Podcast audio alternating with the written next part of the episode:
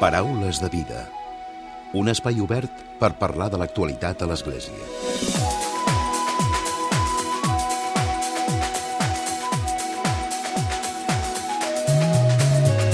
Què tal? Salutacions i molt bon dia, molt bon diumenge. Avui us volem convidar a reflexionar sobre les conseqüències que el confinament, en un primer moment, i la pandèmia i la nova normalitat després han tingut sobre la salut mental i la seva atenció sanitària.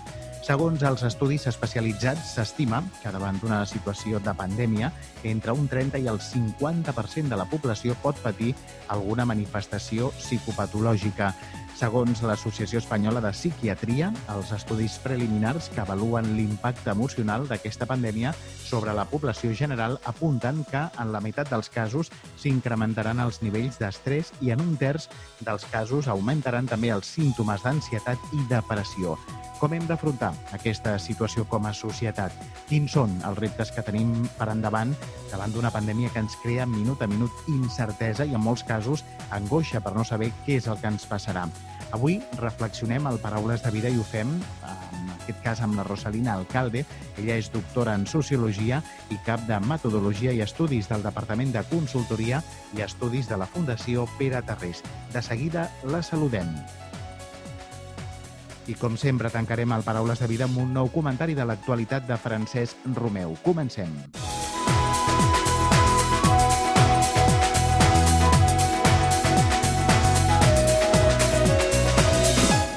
Paraules de vida amb Emili Pacheco. Rosalina, bon dia i benvinguda al Paraules de Vida. Hola, bon dia, Emili. Moltes gràcies per convidar-me. Parlem avui, Rosalina, amb tu sobre els efectes que, que està tenint aquesta pandèmia, la Covid-19. De fet, hem passat un estiu relativament tranquil, relativament tranquil, diem. Ara ja tenim una tardor que es comença a complicar. I parlem dels efectes, els efectes que té ja a la salut, però sobretot a la salut en general, com, com tu has dit, com has reflexionat en algun dels teus articles, és una obvietat que, que afecta la salut, però també afecta la salut mental i potser això és el que no surt als mitjans, oi? Sí. Bueno, el tema de la salut mental sempre ha estat un tema una mica, no dic que desatès, però sí és una dimensió de, de la salut una mica oblidada, no? Uh, sembla que es relaciona la salut mental a, a, a casos com molt extrems no? de, de salut mental, però el cert és que sabem que ja fa moltes dècades eh, aquest problema és una de les principals, eh, una de les principals malalties o, o, o font de, de malestar de les persones que atén eh, els centres d'atenció primària. A llavors, eh, és una malaltia una mica eh, com invisible, eh, en part per la gran estigmatització que tenen les, malalt les malalties mentals a la nostra societat. No? Eh, més o menys perquè ens fem una idea, eh, s'estima que una persona eh, està patint una, una enfermedad mental o, o, o algun tipus de, de malestar mental una mitjana de 7 anys abans d'anar a la persona, al metge, a la metgessa, no? eh, per explicar no? que porta aquest malestar eh, i que ho porta o ha portat més d'un més lustre, no? per una mica per, per situar-nos. O sigui que quan s'arriba, eh, sobretot a l'atenció primària, que després seran les que deriven, eh, les persones ja porten o porten molt de temps patint algun tipus de trastorn mental. Aquí hem de parlar també, Rosalina, molt del tema tabú no? que hi ha hagut. No sé si fin... ara s'està trencant una mica aquest tabú no? de parlar de la salut mental, si, si cada vegada hi ha més consciència o no, però sempre ha estat un tabú, no? Quan la gent tenia una malaltia mental, ho amagava. Sí, aquest, aquest és el punt i això és el que fa especialment eh, complicat o problemàtic, no? perquè sempre en tots els àmbits de, de, de la salut eh, que ens diuen que el principal és l'atenció precoç. ¿Sí? I aquí és on veiem que hi ha un problema no? eh, que té a veure això, no? eh, la falta de reconeixement, d'autoreconeixement, l'estigma social, eh, no pot ser que jo tingui una depressió, eh, és el que comentava, no? porta que la persona que té aquest trastorn trigui entre 5 i 7 anys a acudir eh, al metge. Després jo crec que també ens falta una mica de, de cultura, no? de, de què és, són determinades eh, enfermetats mentals. No? Per exemple, amb el tema de la depressió, eh, més que un estigma, eh, jo crec que hi ha una, una mala comprensió de què és el problema de la depressió. Sabem que la depressió i els trastorns d'estrès, per estrès són les principals fonts de, de, de malalties mentals que són ateses a la, a la primària. Eh, I això jo crec que, que hi ha un problema d'explicar de, de, i entendre què és la depressió. La depressió no és trobar-se trist, no? Eh, i la Aquí hem banalitzat no és... molt, no?, com a societat, per, perdona, Rosalina. Crec que, sí, sí. que banalitzem a vegades no? la paraula depressió, perquè potser estàs passant per un mal moment o, o dius, ai, tinc una depressió, no? i potser no la tens, no? Exacte. Hi ha una confusió entre estar trist que és un procés, una emoció normal, sobretot quan tens algun episodi a la vida que, que, que, que, bueno, pues que has d'estar trist. I una, una cosa molt diferent és la depressió, no? Eh, que se pot iniciar un trastorn mental per una experiència mm, dura o traumàtica? Sí, i de fet, els estudis que hem fet eh, és un factor no? que pot desenvolupar una malaltia mental, no? però la, la relació no és unívoca, és a dir, una cosa és estar trista i altra cosa és tenir depressió. I, i jo penso que també hi ha com un sentiment de culpa, no? de vegades enfront d'aquest tipus de, de malalties. No? La depressió és perquè tens una actitud enfront la vida, no saps afrontar determinats problemes, no? I jo sempre puc, puc, eh, poso l'exemple, o sigui, si tu tens un còlic nefrític, seria bastant absurd que algú, eh, eh, no sé, eh, diguessis que, que, bueno, és que eh, això és culpa teva perquè no saps comprendre't la vida, no? O sigui, què té a veure el, el còlic nefrític amb això, no?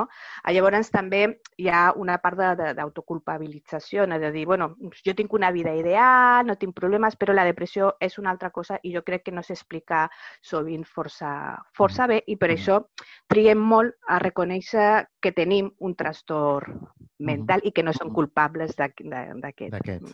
Rosalina, a través de la Fundació Pere Tarrés esteu analitzant aquesta situació, no esteu analitzant com està afectant la pandèmia eh, sobretot en, en general, però també eh, tu parles d'un doble efecte que té la, la pandèmia, sobretot a la salut mental, oi? Uh -huh. Bueno, té un doble efecte en l'atenció, bueno, eh, en, en les persones, com afecta això a les persones. Eh, nosaltres vam fer un estudi abans de la pandèmia que ens dona les claus de quins són els factors eh, que estan relacionats amb factors socials que tenen a veure amb les condicions de vida i situacions mm, problemàtiques en termes socioeconòmics, no? i això entenem que s'ha disparat a la pandèmia pels efectes socials i, per tant, sabem que hi haurà uns efectes de les persones i després estan tots els efectes que té eh, o que tindran o que estan tenint en els recursos d'atenció a la salut mental eh, ja veníem, bueno, com passa a, a, a gairebé totes les àrees de política pública, no? ja venien d'una situació molt precària en l'atenció eh, als centres de salut eh, mental i a l'atenció més, més primària, eh, i això ara està saturat. Està saturat i, i serà encara pitjor, perquè, per exemple, l'Associació Espanyola de Psiquiatria ens està dient, ells sí que estan fent ara estudis seguint com, com, com afecta la pandèmia a la salut mental, eh, que preveuen que un 50% de la població augmentarà el seu nivell d'estrès de, i que un 30% de la població augmentarà els símptomes d'ansietat i depressió. És a dir, que això és molt Llavors, bèstia? Això és molt bèstia, no? Això és molt bèstia. I, I penseu, això seran nous casos de trastorns mentals. I després estan els casos que ja havia trastorns mentals que haurem de veure com afecta la pandèmia. I és per això que, que volíem posar l'accent perquè um, estem ara uh, molt preocupats pel Covid i els efectes físics, però això ens vindrà a sobre. Sí, o sigui, és una situació realment eh, alarmant, no? I això amb els recursos que tenim d'atenció eh, a la salut mental no? de, de forma més, més primària. Està el que ja havia, com afectarà sí? i el que vindrà de nou. Penseu també que durant eh, la pandèmia, l'època que van tancar tot, eh, molts pacients van quedar sense ser atesos Eh, I encara que tothom, i això és, és extraordinari, no? els professionals han fet tot el possible, molts d'aquests casos han estat seguint eh, per telèfon o, o per videoconferència, però ni probablement sigui la millor manera, ni tothom ha tingut un, un, una oportunitat igual no? d'accedir per això que, que estem fent sol, no? que és parlar per, per internet o per el, mm. eh, l'ordinador. I aquesta seria una miqueta, eh, una miqueta la situació. És la diagnosi, que, és la diagnosi que vosaltres feu, no? Claro, pensa que eh, l'estudi que nosaltres vam fer posava sobretot l'èmfasis en que existeixen uns factors socials eh, que empitjoren sí, eh, la, la situació de salut mental de, de les persones. No? Eh, per exemple, eh, es, sembla com de perogrullo, no? però òbviament una preocupació que té, les preocupacions que tenen a, a veure amb la feina, eh, la preocupació que té a veure amb els, eh, pues no arribar a fin de mes, eh, etc etc, pues són qüestions que afecten enormement a la salut mental. No? O sigui que jo crec que aquest 50% que augmentarà el seu nivell d'estrès i aquest 30% que augmentarà els símptomes d'ansietat i depressió pues, en gran part no, aquests elements d'incertesa eh, enfront al treball i als ingressos econòmics pues, eh, seran elements de, de, de malestar segur. Per tant, la crida hauria de ser la crida cap a les administracions, no? cap a la salut. No? S'han de destinar més recursos i, sobretot, en atendre aquests casos. No? O sigui, que no s'agreugin els que ja hi són i els que poden venir, els que vindran. Sí, i després una mica també repensar alguns circuits. No? Quan vam presentar l'estudi, perquè aquest estudi es va fer a Sant Montjuïc, als districtes de Sant Montjuïc i, i a Sant Andreu, eh, després de presentar els estudis als experts i les expertes, no? que són els que estan allà a primera línia, eh, una mica el que parlaven és que eh, si tenim en compte que els factors socials són bastant determinants en la salut mental, hi ha d'haver-hi una relació més íntima entre els serveis socials i els serveis de salut mental. Sí? Perquè no sempre està clara bé mm, aquesta relació i la derivació. Hi ha molts problemes de salut mental que es detecten als serveis eh, socials o els serveis socials són capaços de preveure sí? com una determinades situacions no? probablement donaran lloc a un malestar o, algun tipus de trastorn mental. Sí? I en aquest sentit, els professionals i les professionals ens parlaven d'això que em sembla mm, bastant, bastant raonable. Uh -huh. Ara deies, aquest circuit, no? revisar aquest circuit a, a l'hora d'atendre les, les persones que tenen problemes o patologies de, de salut mental, també és, ara parlàvem dels efectes de la Covid, no? quan va haver-hi el confinament. Potser moltes persones no? que pateixen aquesta, aquests problemes de salut mental, mm, si no van a la consulta, això és un problema agreujat, no? perquè potser necessiten també, sobretot amb la medicació, no? o sigui, que la medicació potser s'ha d'ajustar i en aquests casos s'han quedat desemparats, no? Sí, sí, és per això que et deia, no? que el doble efecte, o sigui, és un doble efecte que, està, que té una relació, no? que Entrellaçat. Exacto. O sea, empillora la situació de, de salut de les persones i al mateix temps que també empillora el servei de resposta no? o d'atenció a la salut mental d'aquestes persones. Després, un, un, una qüestió que també estem veient és que abans de la, de la Covid hi ha una qüestió molt interessant, eh, bueno, molt interessant eh, des del punt de vista no, de, de l'anàlisi sociològic, no? eh, però sí que hi ha una qüestió important que és la, la importància de, del gènere, no? la influència del gènere en el tema de l'atenció i detecció de malalties mentals. Eh, l'estudi que nosaltres vam veure, eh, el perfil de persona adulta atesa per als serveis de, de salut mental eh, era sobretot el perfil d'una dona. Sí? És a dir, eh, entre les persones adultes són molt més ateses les dones en els centres de salut mental, entre les persones joves i nens i nenes són molt més atesos els nens varons que les nenes. ¿Vale? I això sembla que, bueno, per mi és una reflexió important que hem de fer. El que estem veient ara, a partir d'estudis que estan fent, per exemple, l'Associació Espanyola de Psiquiatria, és que aquest perfil en els adults sembla que està canviant durant la pandèmia. Els homes estan arribant molt més que abans a la demanda d'atenció de salut mental. Sí? I això és un fet interessant, no? No sabem encara què està passant amb els nens i les nenes, no? S'estan ara començant, tot, tot, tot just ara s'està començant, a estudiar, no?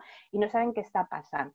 Però sí sabem el que passava abans, que els malestars de les nenes no arriben als centres de salut mental eh, infantil i, i de joves. Uh -huh. Les causes poden ser diverses, no? però és probable que tingui a veure amb els processos de socialització i a la manifestació dels malestars no? que tenen a veure amb com es comporta un nen i es comporta una nena, no? Però, bueno, és un tema que, que, que requereix més recerca perquè falta recerca en aquest punt. No? I en el cas dels homes, que potser abans no, no hi anaven tant, en una situació normal, eh, entre cometes, no, no anaven a la consulta a demanar ajuda i en canvi ara sí, a què es pot deure, Rosalina? nosaltres, com que partim d'un model d'anàlisi, d'un marc d'anàlisi que interpreta la relació entre factors socials i malestar eh, biopsicosocial, entenem que aquests factors socials que tenen a veure la pèrdua de, del treball, la incertesa, eh, etc., són és que és probable que estiguin augmentant la, la, la, el nivell d'estrès no? i ansietat eh, entre la població masculina. Uh -huh. I davant de tota aquesta situació, d'aquest panorama, Rosalina, què és el que, què és el que hem de fer? I ara hem dit el paper que les administracions han de tenir, no? que la part política ha de tenir, d'apostar-hi més per, i abocar-hi més, més recursos en aquest cas, però a nivell de societat, quin és el repte que tenim? Davant d'aquesta situació que ara estem vivint. Perquè aquí també hi ha el tema, suposo, de les xarxes familiars, no? O sigui, tots estem vivint d'una manera o altra, tots ens està afectant aquesta situació, no? Per tant, suposo que tots tenim una miqueta de responsabilitat. Mireu, un, un element que, que apareix dins del perfil de persona atesa no, per exemple, ara parlem de persones adultes, eh? persones ateses als centres de salut mental, un perfil de risc o un element de risc és l'absència de xarxes familiars de suport. O sigui, dins d'aquest prototip, sí, aquelles persones que no tenen xarxes familiars de suport són les que tenen un major risc, sí, combinat amb altres situacions, de patir una malaltia eh, mental. És a dir, sí? són més vulnerables, no? Són molt més vulnerables. I el tema de la xarxa com a suport emocional també com a suport o, xarxa d'intercanvi de recursos, però sobretot com a suport emocional és bàsic, és bàsic. I, ve, i veiem clarament no? que aquest element, no tenir una xarxa de suport, eh, augmenta considerablement eh, el risc. No? Per exemple, eh, eh, en el cas, per exemple, de les persones d'origen immigrant, no? moltes d'elles no tenen xarxes familiars de, de suport sí?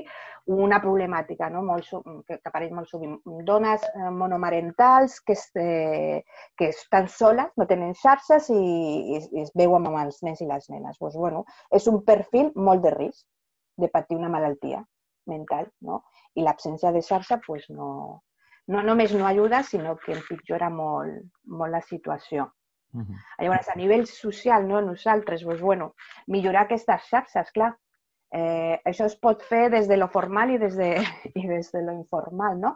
Però pensa com han treballat des de sempre, no? Nosaltres que fem també temes de, de cuidadors, cuidadores i com això afecta també a la seva salut mental, no? Eh, crear xarxes de suport, sí, pues hem vist que és una estratègia bàsica. De fet, com dius tu en un article, mm, no dius que, l'atenció a la salut mental en els propers mesos serà, serà un element que s'haurà d'atendre de, de forma intensa i extensa, no? És dir, que, sí, aquests jo... són els, que hi ha deures, no?, per fer. Hi ha deures per fer perquè, ja et dic, amb aquestes, amb aquestes dades, no?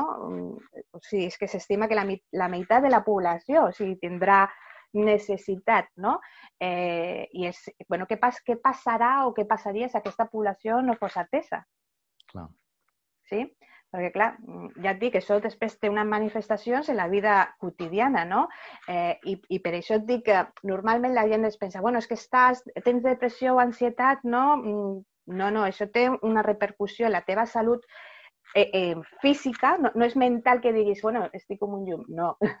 és que això té una, una manifestació és, normalment eh, física, no? de, de astènies eh, cròniques, de malestar físic, de dolor, sí? eh, de migranyes, és, és això el que t'impedeix... Es manifesta, no?, de diferents maneres, no? Mm. És diferent, exacte. I és per això que de vegades s'hauria de parlar més d'aquestes manifestacions de, de la depressió, perquè no és plorar, sinó que de vegades mm, trobes que, ostres, és que estic, o sigui, tinc contractures constantment, tinc mal d'estómac, tinc... sí? I de vegades són manifestacions d'un malestar eh, biopsicosocial. Uh -huh. Doncs Rosalina, gràcies avui per haver-nos acompanyat al Paraules gràcies. de Vida. Gràcies a vosaltres. Paraules de Vida, amb Emili Pacheco. Directe als valors. Directe a tu. I tot seguit, com sempre, arriba el comentari de l'actualitat de Francesc Romeu. Francesc, molt bon dia. Molt bon dia a tothom. Dimarts passat, 20 d'octubre, a la tarda, el papa Francesc, en la línia del que ens proposa en la seva darrera encíclica sobre la fraternitat i l'amistat social, es va trobar a Roma amb un bon grup de líders de les diverses religions i confessions cristianes del món. Va ser en el marc de les trobades de pregària per la pau que organitza anualment la comunitat de Sant'Egidio, seguint el que s'anomena l'esperit sis, tot recordant aquella primera històrica trobada interreligiosa a la petita ciutat de Sis del papa Sant Joan Pau II el 1986, ara ja fa 34 anys. Aquest any el lema era Ningú se salva sol, pau i fraternitat. I no deixava de tenir en compte el context de la pandèmia que encara vivim i volia recordar totes les seves víctimes i també les de totes les guerres. A banda del mateix papa francès, també van participar el patriarca ortodox de Constantinople, Bartomeu I, el rabí cap de França, Agaim Corxia, el secretari general del Comitè Superior de la Fraternitat Humana de l'Islam, Mohammad Abdel Salam Abdel Latif, i el budista Shoten Minejisi. L'acte també va comptar amb la presència de diversos ambaixadors i ministres europeus, acollits tots pel president de la República Italiana, Sergio Mattarella, i amb els seus ministres d'Interior i d'Exteriors, Luciana Lamorgese i Luigi Di Maio, respectivament, i amb unes paraules a través de videoconferència de la presidenta de la Comissió Europea, Úrsula von der Leyen. L'acte va comptar de dues parts, una pregària ecumènica amb les altres confessions cristianes a la Basílica Romana de Santa Maria in Ara Coeli i una posterior cerimònia interreligiosa a la plaça del Capitoli. Tal i com va dir el papa francès, la recent lliçó de la pandèmia, si volem ser honestos, és la consciència de ser una comunitat mundial que navega en la mateixa barca, on el mal d'un fa mal a la resta. Ens ha de fet recordar que ningú no se salva sol, que només ens podem salvar junts. Sobre el tema central de la pau i les religions, el papa francès, seguint les línies del final de la seva darrera encíclica, va dir que el manament de la pau està inscrit en el més profund de les tradicions religioses. Els creients han entès que la diversitat de religions no justifica la indiferència o l'enemistat. Efectivament, a partir de la fe religiosa, un pot convertir-se en artesà de la pau i no en l'espectador inactiu del mal de la guerra i de l'odi. Les religions estan al servei de la pau i de la fraternitat.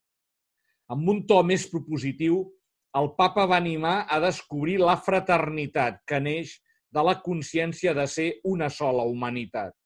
I que ha de penetrar en la vida dels pobles, en les comunitats, entre els governs, en els fòrums internacionals i assegurant que d'aquesta manera augmentarà la consciència que només ens podem salvar junts, trobant-nos, tractant-nos, evitant les baralles, reconciliant-nos moderant el llenguatge de la política i de la propaganda, desenvolupant camins concrets per la pau. Sobre el paper de les religions, el papa va dir que si estem junts aquesta tarda, com a persones de diferents tradicions religioses, per comunicar un missatge de pau, això mostra ben clarament que les religions no volen la guerra. Al contrari, desemmascaren els qui sacralitzen la violència i ens demanen a tots que preguin per la reconciliació i que actuïn per tal que la fraternitat obri nous camins d'esperança. De fet, amb l'ajuda de Déu és possible construir un món de pau i així, germans i germanes, salvar-nos junts. A banda del fet de la pandèmia, també s'hi va fer una reflexió sobre la guerra, tenint en compte els darrers episodis dels actuals enfrontaments armats a Nagorno-Karabakh on, o a Síria, on ja porten més de 10 anys de guerra. Per això, i per acabar, en l'escenari preparat davant del Palau del Senat d'Itàlia, el papa francès va fer una crida apassionada dient hi ha necessitat de pau, més pau. No podem restar indiferents. Avui el món té un ardent set de pau. El món, la política, l'opinió pública corren el risc d'acostumar-se al mal de la guerra, com si fos una companya natural de la història dels homes. En l'actualitat, els dolors de la guerra també es veuen agreujats per la pandèmia del coronavirus i la impossibilitat en molts països d'accedir als tractaments necessaris. Els conflictes continuen i amb ells el dolor i l'amor. Posar fin a la guerra és el deure inajornable de tots els líders polítics davant de Déu. Molt bon diumenge a tothom. Paraules de vida amb Emili Pacheco.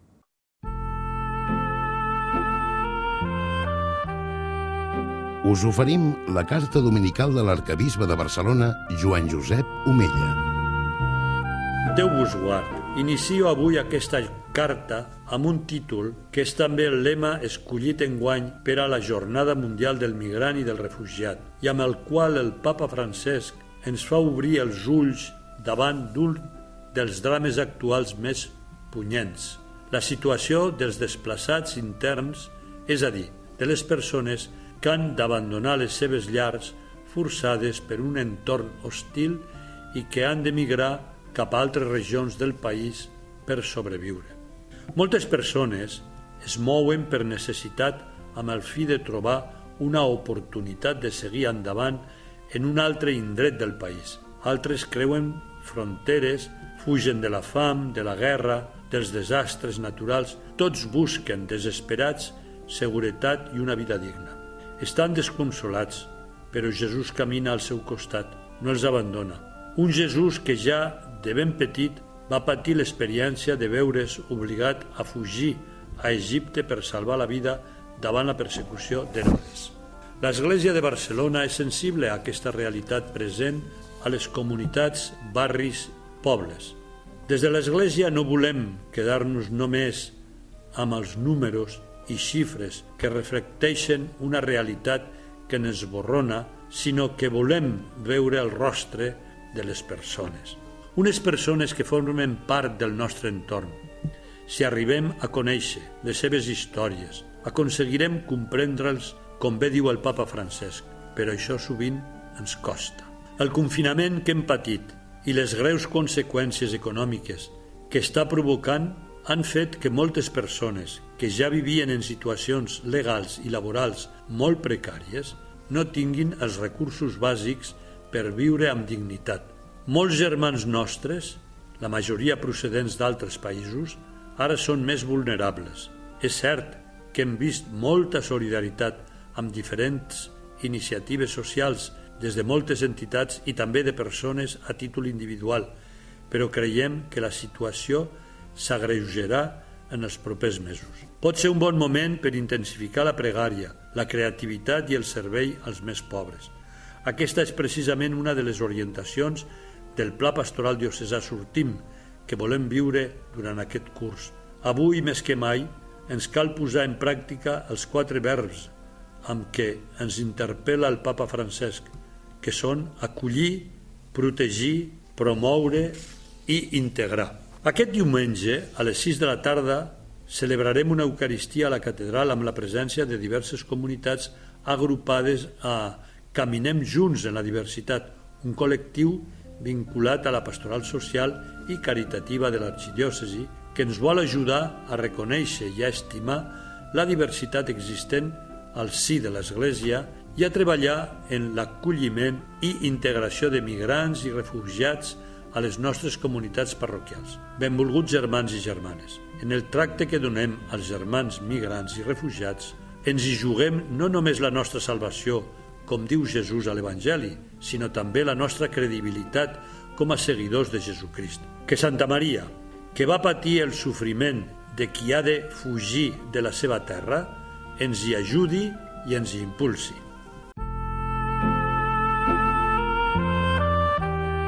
Us hem ofert la carta dominical de l'arcabisbe de Barcelona, Joan Josep Omella.